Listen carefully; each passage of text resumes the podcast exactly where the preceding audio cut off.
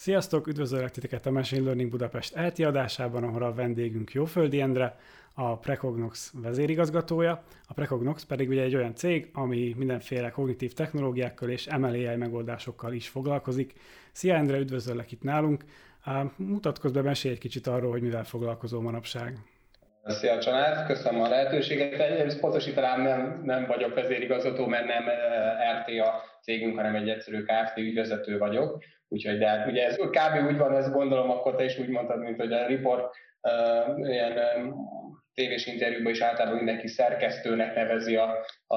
aki interjúztat, hogy azzal nem lehet hibázni, hogyha föl nagyobbat mondasz neki, úgyhogy megbocsátható abszolút a dolog. A, ugye, ugye ügyvezetője vagyok a Precognoxnak, ami, ami mondhatom, hogy a, így a, a machine learning vagy az AI-hoz kapcsolódóan leginkább szövegbányászattal foglalkozik. Um, mi, mi volt még a konkrét kérdés? Ez túl a, hogy a,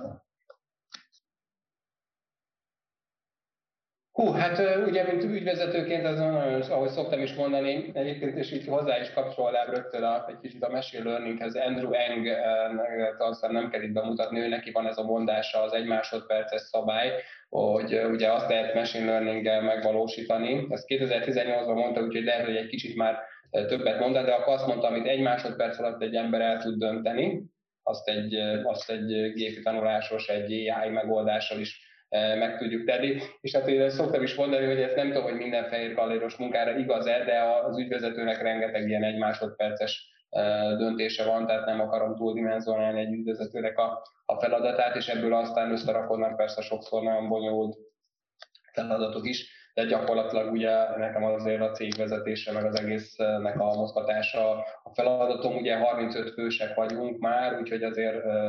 az effektív a, projektek lebonyolításával azért nem annyira szoktam már részt venni elég régóta, úgyhogy, úgyhogy, úgyhogy ebbe, ebbe vagyok. Ugye mint minden cégnél a, ezen a területen, és nekünk is ugye a, a, a bread and butter az a, az a bevétel, tehát hogy ugye projekteket keresni, tehát hogy ez a, ez a sales oldalon van a legfontosabb felelősségem mindenképpen. Mesélj egy kicsit a Precognoxról, ugye ezt egy sikersztorinak mondanám, most már 12 éves a cég, ha jól emlékszem, hogy honnan indultatok, és hogy jutottatok el ide erre a szintre? Hát köszönöm, hogy sikersztorinak felállt kívülről, tehát nyilván egyébként az, az mindenképpen egy, egy eredményünknek tartom egyébként, hogy ugye 12 éve működünk, minden évben nyereségesek voltunk, növekedni tudtunk, vagy fejlődni szinte évről évre, talán azért volt olyan időszak, amikor egy ilyen, ilyen stagnálós időszak volt, hiszen volt, hogy azért már kétszer is átéltük azt, hogy, hogy komoly korábbi ügyfél ugye ki kopott lassan, és aztán azokat mással kellett pótolni, ez ilyen szempontból már ilyen harcedzett cégnek lehetne ezt nevezni, hiszen mondom, ezt több alkalommal is megéltük már. És, és ugye igazából szoktam is mondani, mi nem, nem ilyen kényszervállalkozónak nevezném magunkat, úgy szoktam mondani, hogy hát az ügyfelek kényszerítettek arra, hogy hozzunk létre vállalkozást, tehát ténylegesen egyébként így az egyik legkomolyabb belső projektünk az a startlapnak a keresése volt, amit a, az akkor még ugye Sanoma tulajdonban volt, és ők akkor lecseréltek valamiféle cseh kereső megoldást, egy, akartak hát egy másikat, és ő nekik készítettük el azt, és támogattuk éveken keresztül, még nem ugye Google custom search lett belőle, vagy nem is tudom pontosan, hogy mi van belőle, és dolgoztunk aztán professional, és így tovább ugye hozzájuk kapcsolódóan, tehát egyre több ügyfél egyszerűen megkeresett bennünket, és akkor abból a, abból a mm, hát háttérből, ami, ami a, abból adódott, hogy mi uh, Kása együtt, Kása Károly, aki a, a CTO vagy, ügyvez, vagy fejlesztési vezetőnk, mi magunk, vagy 2000, hú, itt az időpontok egy kicsit meg tudnak csalni, de van 2002-3 tájékától mi távmunkában, vagy hát így kontraktorként a National Institutes of Health-nek kezdtünk el, ilyen egészségügyi és toxikológiai kereső alkalmazás és más ilyen szövegbányászati dolgokban dolgoztunk, és tulajdonképpen onnan jött egyszerűen ezzel kapcsolatos szakértelem, tehát ahogy szoktam mondani, én nem tartom magamat ilyen értelemben ilyen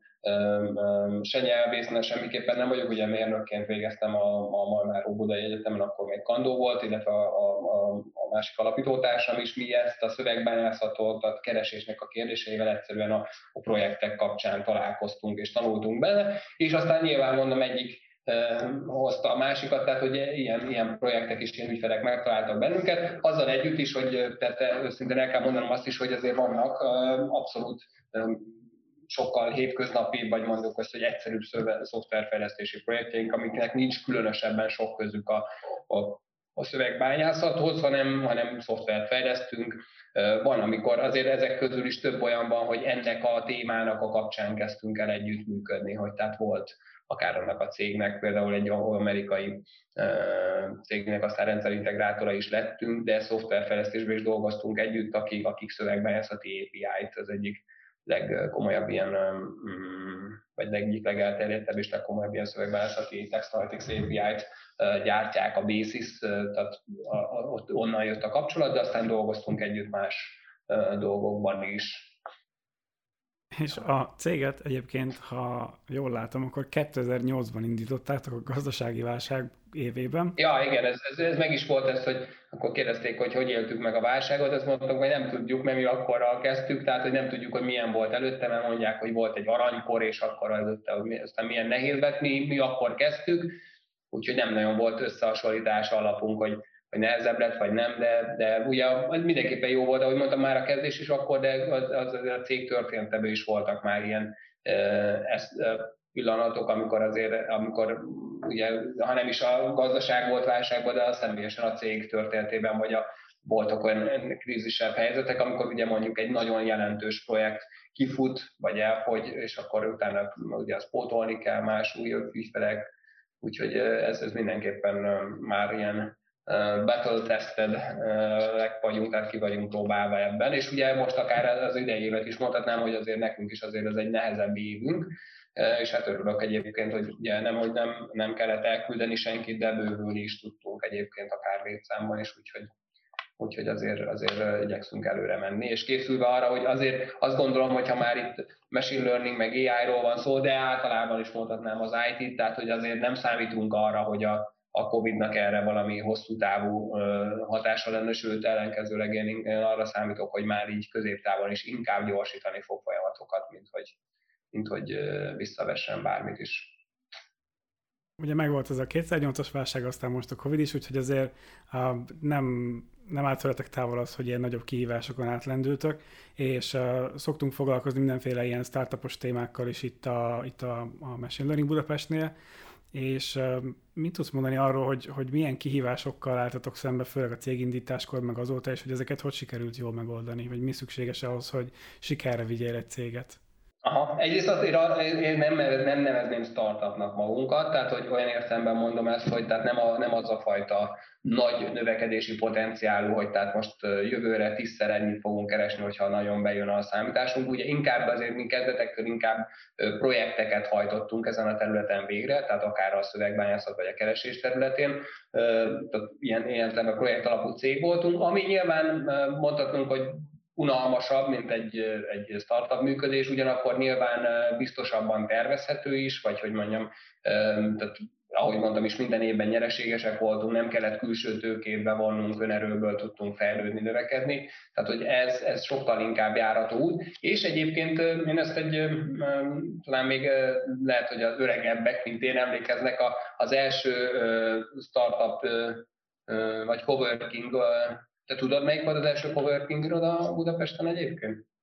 Akkor egy kis history a, a fiataloknak, hogy ne felejtsék el a, a régi dolgokat. A, a Collapse volt, ugye a Bakós volt alapításában, és abban ilyen mini kisbefektetőként mi is bekapcsolódtuk. Egyszerűen az egy, az, egy, az egy új dolog volt, most nem is tudom megmondani, melyik évben volt, de nagyon korán, tehát akkor még ezek abszolút tényleg újak voltak a piacon, és ő, ők szerveztek pont egy egy, egy ilyen startupos eseményt, és egy Kanadából volt itt egy úr, aki, akinek egy komoly ilyen én úgy emlékszem, hogy ilyen 100 millió dolláros nagyságrendű exitje volt, és ő mondta el a ponti startupok kapcsán, és hadd adjam tovább ezt a tömör bölcsességet, hogy, hogy igazából hogy nem kell mindenkinek startuppal foglalkozni, ugyanis ezt el kell dönteni, hogy az életednek a következő 5-10 évének a felét repülőtereken akarod letölteni. Ő ezt mondta erről. Tehát, hogy ez nyilván egy, egy, egy olyan fajta ilyenfajta commitmentet igényel. Nyilván, tehát azzal se álltatnák senkit, tehát hogy kell sokat dolgozni egy vállalkozásban is, tehát még hogyha projekt alapú is, tehát hogy nem 8-tól 5-ig tart a munkaidő feltétlenül, de azért ez, ez jobban tervezhető, vagy megélhető dolog, és, és mondjuk tényleg én nekem azért ez, ez egy elég fontos dolog volt, már régóta hát, egyébként 20 éve, több mint 20 éve élek házasságban, és van négy gyerekünk, tehát hogy én nekem erre egy határozott nem volt a válaszom egyébként ez nem tudom, 7-8 éve biztos volt, de inkább lehet 10, hogy akkor is, hogy én nem, én nem akarom az életem felé repülőgép tereken tölteni, ugye most senki se tölti ott, de egyébként tényleg ez hozzátartozik az állandó üzletépítés. Nyilván mentünk, mi is építettünk üzleti kapcsolatokat, de ezt azért én sokkal ilyen organikusabb, egyszerűbb módon, tehát nem egy, nem egy, nem egy olyan módon, hogy mondjuk egy kockázati tőke befektető liheg a nyakamba, hogyha nem növekszünk duplájára jövőre, akkor ezért katasztrófa történik, érted? Tehát, hogy az egyfajta azért ilyen növekedési nyomást is létrehoz, tehát ezt érdemes meggondolni. Egyébként is, tehát hogy a, a, ez egy, meg egy másik ilyen startup eseményen Párizsban voltam, tehát akkor volt éppen egy ilyen termékötletünk, tehát azért nem mondom, hogy ezt nem, nem próbálgattuk, vagy gondolkoztunk ezen, akkor, akkor is egy, megmaradt ez a bölcsesség egy, egy másik befektetőt, amikor szerénykedtem, vagy hát vagy, vagy pirongottam, amiatt, hogy hú, hát nekünk még izé, nincs is, nem is volt befektetésünk, hát mi magunk alapítottuk, és hát ketten vagyunk tulajdonosok a cég, és akkor mondta, hogy ne, ne, hogy szégyeljem magam, mi, hát, tehát mindenki ezt szeretné egyébként, hogy akár organikusan saját erőből tudjon növekedni, és, és hogyha a te saját, tehát vagy közben a, akár a termékeddel, vagy amit létrehoztál, te nyereséget tudsz termelni, és úgy tudsz növekedni, igazából az, az egy abszolút mindenki erre vágyik, tehát hogy nyilván, hogyha odaadsz a cégedből 30, 40, 50, 60, 70 százalékot mondjuk befektetőknek, akkor hát odaadtad. Tehát, hogy ez, ez nyilván nem, nem, nem mondom, hogy nem rossz szkenárió lehet, mert egyáltalán nem, hiszen ahogy szokták mondani,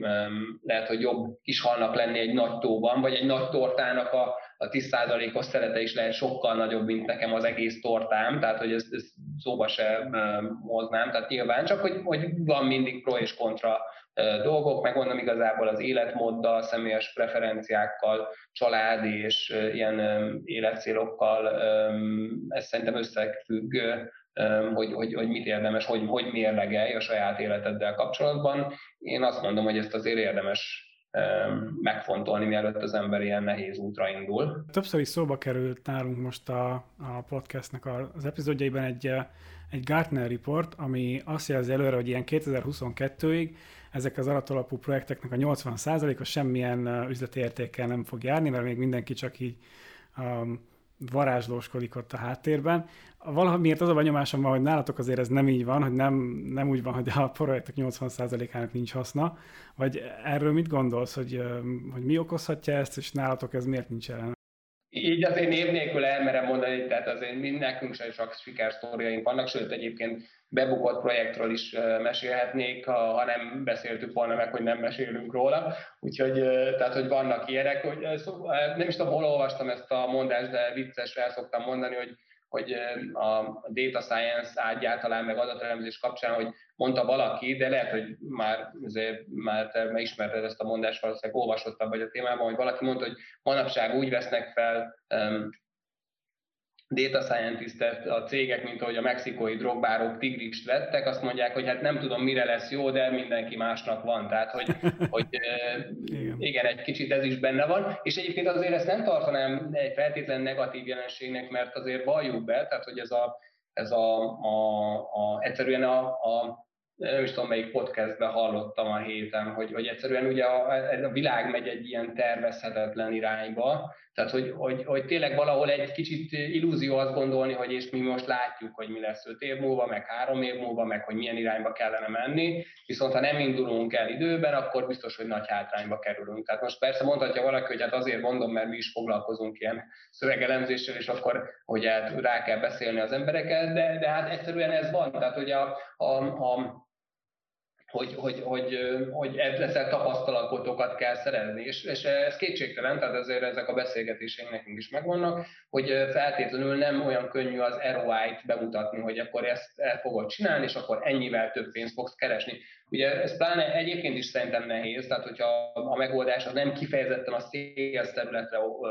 fókuszál, akkor persze mondhatod, hogy megtakarítasz pénzt, ez legtöbben vagy sokszor nem jönnek ettől magával lázba. Ugye ha nem tudsz mondjuk bevételt növelni, stb., akkor, akkor azért nem olyan könnyű ezekről meggyőzni az embereket. Az meg, hogy business value-val nem fog járni, megint egy Andrew Eng, ez meg most a közelmúltban láttam egy előadását,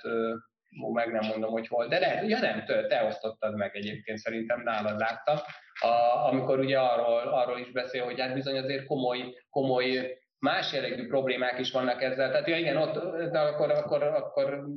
lehet, hogy nagy ismétlés lesz a hallgatóságnak, mert te is beszéltél róla, vagy valaki más a a, de szerintem az egy nagyon fontos példa, amit mond, ugye, hogy nagyon komoly machine learning, machine vision alkalmazások vannak ugye a, a betegség diagnosztika területén, de hogy egyáltalán nem magától értetődő, hogy ami a laboratóriumban működő mondjuk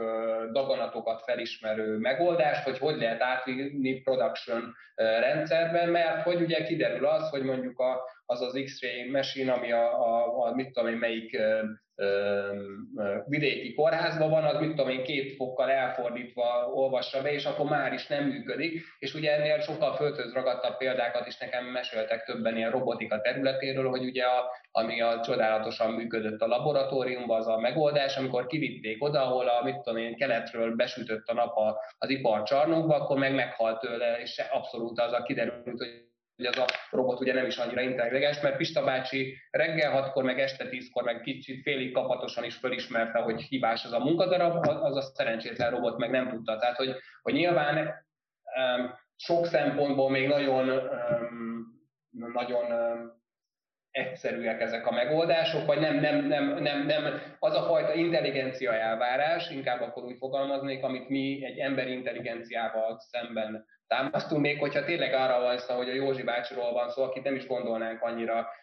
intelligensnek adott esetben egy, egy, egy, egy egy gyártó soron, de ez tényleg egy robotikával foglalkozó srác mondta el, hogy, hogy rájöttek arra, hogy az volt, hogy na hát akkor az egyik sorról csak átrakjuk a cuccot a másikra, és akkor, akkor hát milyen jó ez, egy ilyen kobotot oda berakunk, és akkor ez így szépen átrak, és minden rendben lesz, és tényleg be is ugye meg lett a robot tanítva erre, hogy ezt megtegye, ez egy végtelenül egyszerű dolog, míg nem kiderült, hogy elkezdett nőni a, a selejnek az aránya, mert kiderült, hogy a Józsi bácsi, vagy Marinéni, aki áttette az egyik sorról a másikra, közben minőség ellenőrzést végzett, mert kezébe vette, és gyakorlatilag látta, hogy valami nem stimmel. Na most egy, ugye, aki ezzel foglalkozik egy kicsit, egy, én nem vagyok machine vision szakértő, lehet nem is így nevezik, így nevezik a, ezt a területet, tehát hogy a, mindegy, a, tehát, akkor, akkor tehát azt meg, megcsinálni egy robottal, hogy egy munkadarabot 360 fokban minden oldalról megnézzünk, és ott arról valamit megállapítsunk, azért nem egy magától értető dolog, csak az maga, hogy, hogy izé, többféleképpen megfogni, és akkor körbenézni. Valamit, míg valaki megfogja a kis kezébe, és, és érzi, mondjuk. Érted? Tehát, hogy, hogy érdekes ez, hogy, hogy sok szempontból még mindig a, baby cipőben jár ez a terület, tehát hogy persze vannak standard dolgok, és mit tudom én, megoldották ez machine vision is, hogy bezárják egy olyan gépbe, ahol mindig ugyanúgy nincs világítás, vagy csak mesterséges van, stb. Tehát, hogy kitalálnak dolgokat, de hogy egyébként azért a, a, az emberi intelligenciának vannak ezek az ilyen szoftosabb tulajdonságai, ami, ami miatt egyébként még mindig sokszor jó, vagy jobb akár, mint egy, egy gépi megoldás. Egyébként ezért van az, és majd lőjél le, ha már túl sokat beszélek, hogy, a, hogy mi ezt a kobotos megközelítést javasoljuk szoftver területen is. Ugye a kobot azok a coworking robots, ugye azéből a, a gyártásból vannak, amikor ugye gyakorlatilag ember és gép együtt dolgozik, és tényleg úgy van, hogy ha robot karhoz hozzáérsz, akkor nem lecsavarja kezedet, meg hozzáhegeszti a géphez, mint, mint ahogy történtek ilyen horror sztorik, ugye, hogy robotok öltek meg embert, meg ilyen, tehát annyi volt ugye, hogy a normál robotokat az ugye egy bekerített területre kell rakni, mert ugye az nem érzékeli, hogy ott van-e valaki, az megy tök gyorsan, és ezért fejbe csap valakit, ha éppen ott van. Ezek a kobotok, ezek olyanok, hogyha hozzáérsz a karhoz, akkor megáll ugye nem is mozog nyilván annyira gyorsan, pont azért, hogy ne nyírjon ki. Úgyhogy hogy, hogy valahol a szövegbányászat, vagy általában a machine learning területén is, vagy az AI területén is én inkább ebbe hiszek jelenleg. Jelenlegi State of the Art alapján, hogy együtt kell dolgozzon gép és ember, és azt mondjuk, hogy ezeket az egy másodperces döntéseket vegyük ki a folyamatból, és csináljuk meg hogy egy géppel. Ugye nyilván kézenfekvő ezek az ilyen kategorizálás, ugye amiben nagyon jók most ezek a deep learning dolgok, és akkor, akkor azt, azt megcsinálja, de utána igazából jobb, hogyha egy ember válaszol egy, egy, egy érdemi e-mailre, tehát hogy persze próbálkozhatunk, meg jó dolog a, a chatbot, meg mit tudom én, de azért nagyon, nagyon, nagyon komoly korlátai is lehetnek ennek, vagy mellényúlások lehetnek ebből. Tehát, hogy, hogy tényleg valahogy tényleg gép és ember dolgozzon együtt, és, és inkább így, így, így lesznek ezek sikeresebbek ezek a, a projektek. Az, az visszatérve az eredeti kérdésre, mert elég jól elkanyarodtam tőle, hogy látok, tehát hogy a Gartnernek, hogy a business value meg lesz -e, én azt gondolom, hogy, hogy igen, tehát hogy, hogy én nem nehezen tudnám vitatni ezt, tehát hogy, hogy nehéz, nehéz, nem, nem feltétlenül egyszerű, inkább azt mondom, a business value-t meghatározni egy ilyen esetben. Ugye lehet mondani azt, mondtak egy példát, ahol például nagyon jól látszik, tehát a, pont a már említett basis megoldás, amit mi is integrálunk, tartalmaz egy névkeresési megoldást, ez egy nagyon komoly csomó machine learning, AI és aztán hagyományosabb statisztikai alapú és még tovább algoritmus van egybe fűzve arra, hogy, hogy neveket jól lehessen azonosítani. Például ez, ez egy pénzintézet esetében, ahol, ahol mondjuk mondjuk terrorizmushoz kapcsolódó pénzmosás történik, és mondjuk időben azonosítanak egy ilyen potenciális veszélyes ügyfelet, tehát azért elég hamar jelentkezik a business value, hogyha ezt el lehet kerülni, illetve pont fordítva, tehát nagyon komoly kockázatok vannak ilyen szempontból, mondjuk például egy, mondom, maradjunk ez a pénzintézet vonatkozásában, hogyha, hogyha nem, nem, nem kellően járnak utána egy ember azonosságának, ami ugye egy bizonyos értelemben nem egy magától értető dolog, tehát megjelenik valaki egy, egy pastú vagy urdu nyelvű útlevéllel, tehát hogy most ki is ez az ember, és nincsen rajta mondjuk a, a UN sanction listen, vagy mit tudom én, hol, ahol, ahol, vagy az Interpol listáján, ahol mondjuk latin betűkkel ott van a neve, és mondjuk adott esetben az útlevelében máshogy van leírva, a, vannak ilyen transzliterációs szabályok, mondjuk egy urdu nevet hogy kell átírni átírni latinra, hát valószínűleg elég kevesen értenek hozzá, én sem. Tehát, hogy, és mondjuk ez a, ez a rendszer, ez, ez lehetővé teszi, hogy, hogy adott esetben az urdu nyelvű adatbázisban is, vagy éppen ciril, vagy angol, vagy és így tovább, most már magyarul is tud, pont egy általunk is támogatott projekt kapcsán, ez megtalálja. Tehát hallasz egy nevet, úgy mondjuk a telefonban, mondjuk egy határ ellenőrzésnél, és beírod, hogy, hogy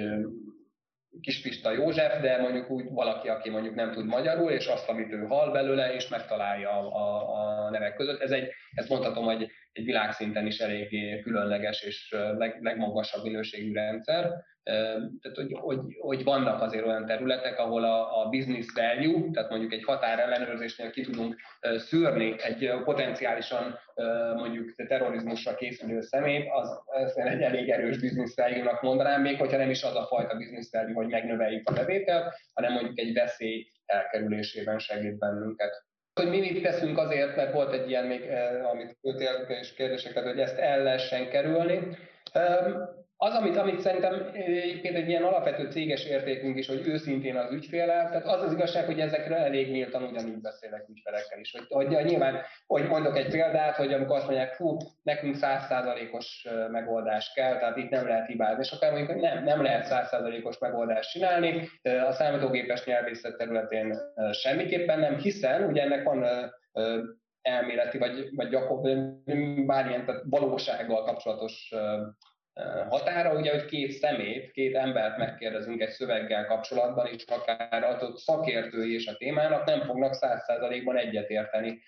hogy mondjuk egy banális példát mondjak, hogy gyűjtsük ki a, az egri csillagokból az összes személynevet. Tehát, hogy, hogy vagy meg, és akkor az emberek ilyen highlighterrel aláhúzzák, és ki fognak hagyni belőle például, vagy vagy, vagy eltévesztik, mert nagybetűvel kezdődött, és kijelölte, vagy fordítva hogy elfelejtette, tehát nem fognak emberek sem együtt látni. Ugye ezt ugye annotálásnak nevezik, amikor ezt egyébként ugye a, a gépet is meg kell tanítani ilyenekre. Ugye akkor is az az igazság, hogyha több emberrel annotálsz így föl, és látsz el ilyen plusz információkat szövegekkel, ők se fognak száz százalékban egyetérteni. És, és ez, a, ez, a, ez a fajta emberi egyetértés még egyébként sem érhető el számítógéppel. Tehát ezt szoktam mondani, hogy lehet választani, hogy ugye vagy, vagy amit megtalálunk, az mindig pontos lesz, vagy minden esetet megtalálunk. Ez a klasszikus precision vagy recall-nak ugye az ellentmondása, hogy vagy minden esetet megtalálsz, de akkor többet fogsz hibázni is, vagy pedig amit megtalálsz, az nagyon jó lesz, és ugye mondtam ezt a határellenőrzést, ugye itt is egy ilyen dilemmával nézünk szembe, hogyha úgymond minden, mindenre lövünk, ami, ami minden, minden, minden eset gyanús, tehát nagyon lazára veszük a szabályokat, akkor egy idő után azt mondja a határellenőr, hogy hát most, most nem lehet minden embert megállítani, mert hogy mit tudom én, 20%-ban hasonlít a neve valakire, tehát hogy ez, ez nyilván nem, hanem akkor, akkor el kell dönteni, hogy, hogy mondjuk az esetek 1% az lehet, hogy ténylegesen gyanús, és akkor annál nagyobbra ne lőjünk, ne, ne legyen, tehát el kell dönteni, igen, hogy egy adott alkalmazásnál melyik a fontosabb a kettő közül, és arra tudunk optimalizálni. Szerintem, tehát mondom, ez a fajta őszintesség, és erről beszélni, vagy például megint a kicsit visszacsatolnék, most ezt hallottam legutóbb, úgyhogy bocsánat, hogy a, a általad megosztott előadás, de egyébként így ajánlom, hogy remek, így ez a blog és podcast, figyeljétek, amiket család megoszt az oldalán, tényleg nagyon jó volt ez a, ez a, a Andrew Wang eh, előadás. Hú, most el, elszakadtam tőle, mit is akartam annak kapcsán mondani. Eh, na mindegy, az, szerintem önmagában ez nagyon fontos, tehát hogy ezekről nagyon-nagyon nyíltan beszélni, hogy, hogy mi az, ami elérhető, mi az, ami reális, mi az, ami fontos, úgyhogy, úgyhogy, úgyhogy nem, nem, nem, nem szabad ezt eltitkolni szerintem. Tehát magát ezt, hogy, hogy adott esetben a business value az, az nem feltétlenül megfogalmazható. Engem még azt nagyon érdekelne, hogy mit gondolsz arról, hogy az ilyen AI alapú megoldásoknak mekkora piaca van Magyarországon? Hogy lehet egyáltalán arra rámenni, hogy full Magyarországra fejlesztünk, vagy mindenképp külföldi ügyfélkel, vagy mit gondolsz erről? Egyébként is eszembe is jutott, hogy pont ezzel kapcsolatban, mit, mit akartam ezzel kapcsolatban mondani, hogy igen, nyilván a, a, a piaci lehetőségeket azért behatárolja az, és szintén egy, egy nehézségnek mondta el Andrew Eng a, a kapcsán ugye a small data problémát, hogy valóban, és, és ez szövegbányászatnál is abszolút jelentkezik, vagy talán még azt mondom, hogy jobban, mint máskor. Tehát, hogy például, hogy azt mondom, hogy, hogy igen, lehet sok mindent nagyon komoly, jó bizniszverjunkat megfogalmazni, mondjuk egy szerződések feldolgozásával kapcsolatban, hogy, hogy mondjuk kockázatokat keresel egy szerződésben, ahol gondolja erre, hogy hogy mondjuk van egy cégnek százezer szerződése, és akkor azt mondjuk, hogy, hogy hol vannak, melyek ezek közül a kockázatosak, mert mondjuk ködbér van benne, határidő, stb. stb. Tehát, hogy ilyen, ilyen kockázati tényeket azonosít. Na most, hogy ha ezer ilyen szerződésed van, akkor nem érdemes vele foglalkozni, mert amire ugye betrénelnéd mondjuk a machine learning alapú megoldásodat, el is fogytak az adatai, vagy hogy nem, nem akkor a nagyságrendű a probléma, hogy ez megtérüljön, tehát ott, ott sokkal validabb problém, vagy megoldás lehet az, hogy, hogy hát figyelj, hát legjobb, hogyha a két nyári gyakorlatos diákot hívsz, és akkor, akkor ők be, tényleg sárga highlighterrel, mit tudom én, végig olvasgatják, és akkor mondanak neked megoldást. Tehát, hogy ez a piaci lehetőségeket mindenképpen behatárolja. De például mondok egy konkrét példát, ugye a, a, a, a machine learningnek, és vagy inkább azt mondom, hogy kifejezetten a text, a szövegbányászatnak, a, ugye, mint a machine learning egy, vagy AI-nak egy alkalmazás területének nagyon komoly potenciája van a, a jogi területen, Ugyanakkor egyszerűen Magyarországon olyan méretű jogi uh, irodák, sokkal kevésbé léteznek, ahol ez tényleg olyan nagyságrendben merülne fel, hogy ezzel érdemes legyen foglalkozni. Nem is beszélve arról, de ez már tényleg egy, csak egy kitekintés, ugye, hogy, hogy, hogy ugye a, a, azért a mindenféle textanalitikának lehet egy, egy mm, mellékhatásra, hogy úgy mondjam, és ez, ezzel számolni kell, hogy a transzparenciát rendkívüli módon meg tudja növelni. Szóval, hogy ja igen, azért, ahogy mondták, hogy nagyon egyszerű szoftver megoldásokat is nehezen tudtak eladni, pontosan emiatt, mert nem, nem feltétlenül akarják a transzparenciát növelni bizonyos helyzetekben, és egyébként nem, nem feltétlenül, hogy nehogy azt gondolja valaki, hogy tehát nem csak ilyen mondjuk adott esetben illegális dolgokról, hogy beszéljünk, tehát csak mondok egy másik példát, nagyon komoly kutatások vannak már, és jó gyakorlatok arra, hogy például orvosi szövegekből lehet kinyerni információkat, és, és azért nem annyira, hogy mondjam, tapsol az orvostársadalom ennek, és nem csak, és nem Magyarországról beszélek szándékosan, részei voltunk egy elég komoly Horizon 2020-as európai projektnek, ahol svéd országban próbáltak ilyen megoldást bevezetni, és elmondta a svéd partner, hogy hát nem annyira volt támogató a légkör a svéd kórházban ezzel kapcsolatban, mert, és nem azért, mert illegális vagy ilyesmi, hanem hogy, hogy mondjuk az igazság, ez egy nagyon bonyolult szakma, ez az orvosi szakma, és mondjuk ez, ez mm, minden felmérés, vagy ilyennel foglalkozó kutatásokban például kijön az, hogy a, a, ez, boncolási jegyzőkönyvek alapján kiderül, hogy a nem is tudom hány százalékát nem akarok így fejből ilyen százalékokat mondani, tehát nem azzal kezelnek egy kórházban, mint amivel aztán végül meghal valaki, és ugye aztán le lehetne ezek, ezek alapján, és nem az lenne a cél egyébként, hogy bárkire ráhúzzuk a vizes lepedőt, hogy félre lett kezelve, hanem egyszerűen, ugye ez egy bonyolult, ugye diagnosztika nagyon nehéz, nem, nem, nem mindig ugye a tünetek nem esnek egyben, és, és, és, és lehetne belőle sokat tanulni a terápiákra, stb. vonatkozóan, vagy hogy lehetett volna mégis felismerni adott esetben a, a valódi betegséget. És pont az ilyen szövegeknek a, ugye a, a kor, a kor jaj, most nem jut eszembe, hogy hogy nevezik ezt, amikor leírják a... a Korlap? Korkép? Hogy? Korlap vagy korkép? Korlap, igen, korlap, ahol, ahol ugye minden beszélgetés és, az, és minden le van írva, amit ugye az orvos vagy asszisztens ugye leírja az egésszel kapcsolatban. Tehát ezeknek a szöveges elemzéséből, vagy csinálták egyébként például, mert, mert óriási, ahogy mondjam, potenciál van benne, ahogy az angol partner, ő a King's College Londonnal működött együtt, ők például pszichiátriai betegeknek a ilyen kortörténetét, meg ezt elemezték, hiszen ott, ott aztán pláne nagyon sok ilyen szoftos adat van, hogy ő mesél a, tudom én, a beszélgetés során, ahogy a szüleinél is, meg a nagyszülőknél is előfordult ilyen vagy olyan. Tehát nagyon komoly értékek vannak benne, és vagy mit tudom én, ugye lehetne gyűjteni belőle gyógyszerek mellékhatásait, és így tovább, mert mondjuk valamilyen gyógyszer szed, és közben panaszkodik arról, hogy ez vagy az történik benne. Tehát óriási értékek vannak benne, csak mondom, a, a, azért, azért nagyon-nagyon sok ilyen jogi kérdést is felvet, ugye, hogyha ezeket teljesen elmezhetővé teszel, de mondom, ilyen felelősségkérdés, tehát azért ezek, ezek elég komplex isjuk, tehát hogy ezeket azért nem olyan könnyű rajta fogást találni. Ezt, ezt akartam csak mondani, hogy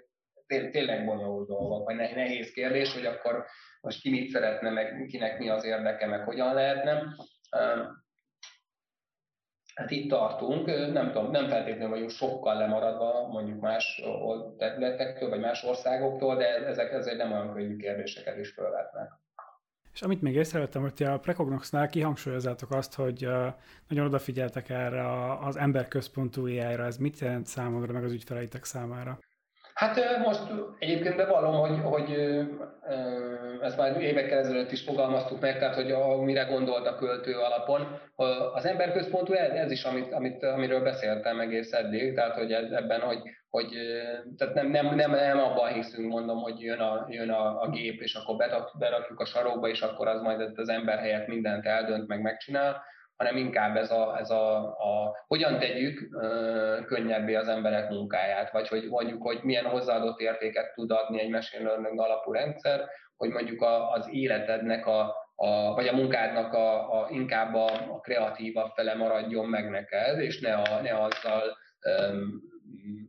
ne azzal foglalkozza csupa egy másodperces döntéssel, hogy akkor lefűzöm, aláhúzom, fénymásolom, összeragasztom, stb. stb.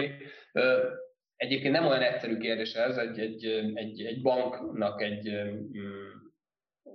még lehet, hogy ezt se kellett volna mondanom, hogy bank. Tehát, tehát egy, egy, egy nagyobb cégnek egyik vezetője mesélt arról, hogy volt, volt van náluk ilyen um,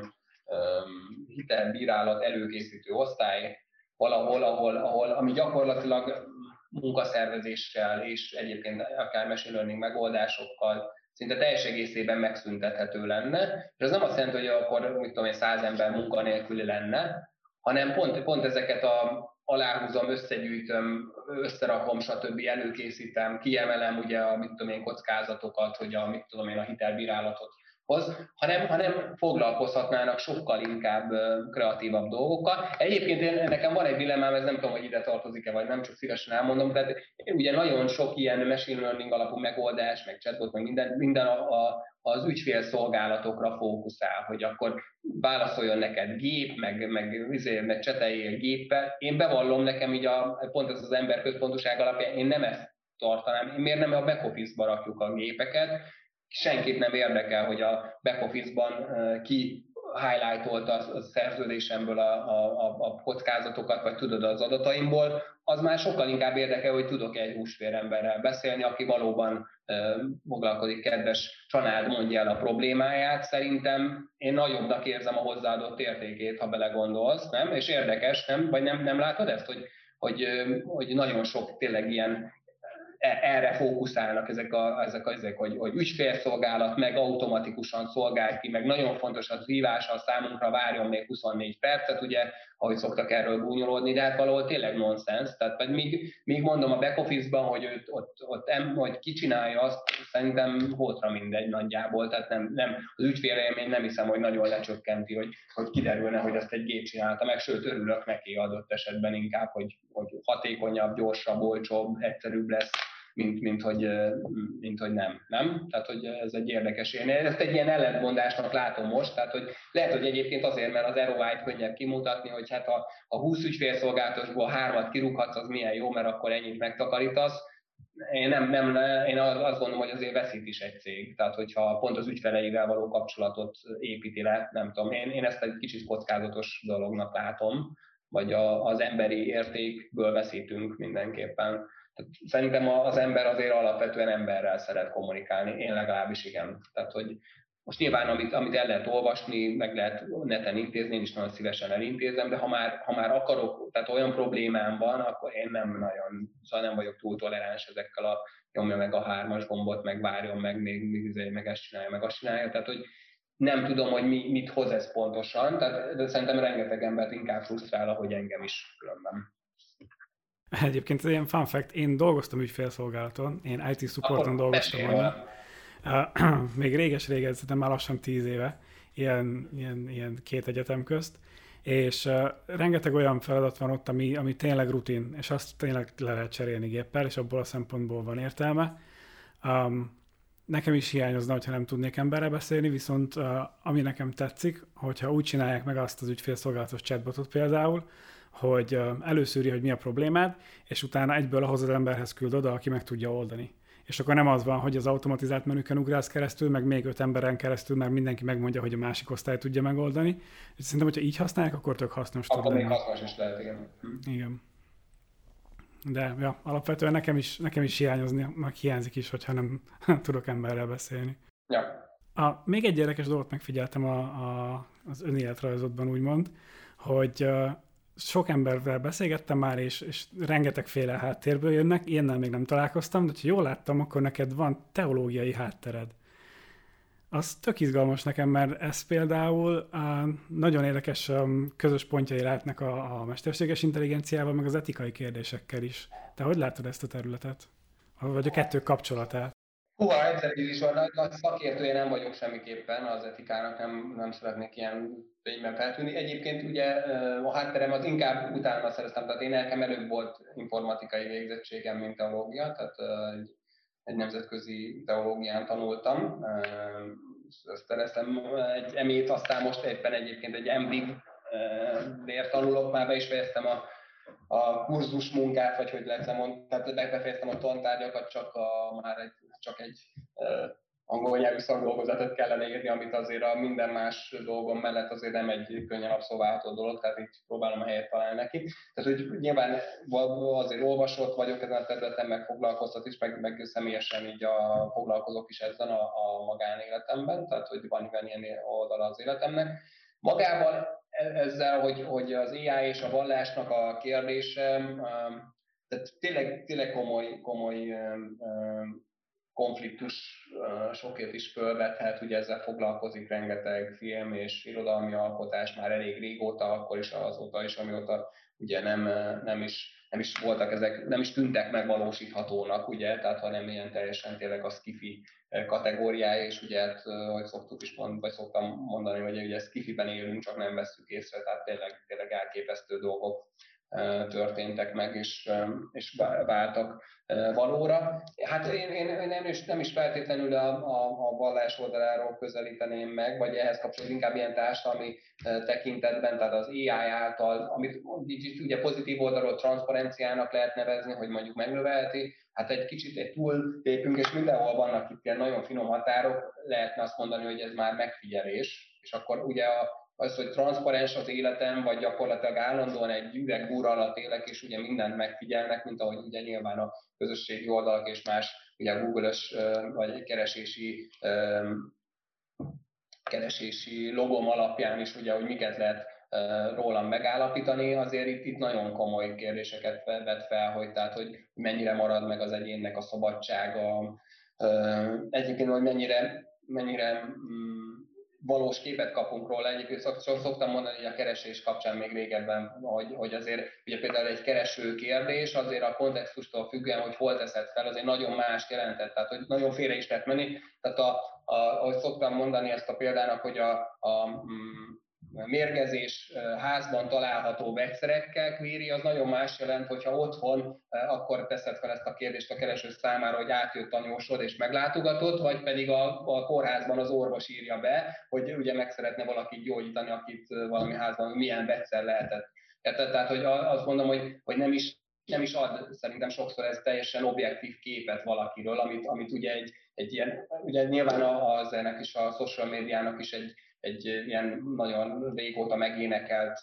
korlátja az, hogy ugye amikor én a, a fölteszem magamról a selfit a futás közben, amikor lehet, hogy nem is futottam, csak ugye le, lefotózom magamat, és már vágódok is vissza a kocsiban. Tehát, hogy azért ez, ez, ez nem, ad, nem ad egy valós képet az emberekről teljességében. Nyilván mondhatják, hogy többet tud rólunk, mint a anyánk a legfénykorában, amikor mi legtöbbet tudott, és otthon laktunk, mert annyira mindent lát. És mondom, tehát tehát azért ez elég, elég, elég komoly kérdéseket felvet arról, hogy igen, a, a, mondom, a döntési szabadság, ugye, amit most a reklám kapcsán mondanak, ugye egyrészt milyen jó, hogy testre szabott reklámot kapok, de hogy de, de gyakorlatilag hol van amúgy is ugye a reklámipar, hogy, hogy igazából ugye az általa generált um, vágyokat elégíti aztán ki, ami, ami egyébként soha az életbe eszedbe nem jutott volna arra, hogy neked arra szükséged van, de mégis ugye ezerrel dolgozik azon a, az egész fogyasztói társadalom ipara, hogy azt, azt létrehozzon ilyen, ilyen problémákat. Ez a nagyon komoly kérdések ezek. Ugye abszolút érdekes vagy lehet, hogy azt mondja valaki, hogy furcsa, hogy ilyet ajánlok, mert egyébként abszolút ateista ugye megközelítésből a Harari-nak a könyve azért ez, ebből elég ilyen disztópiás dolgokat is felvet.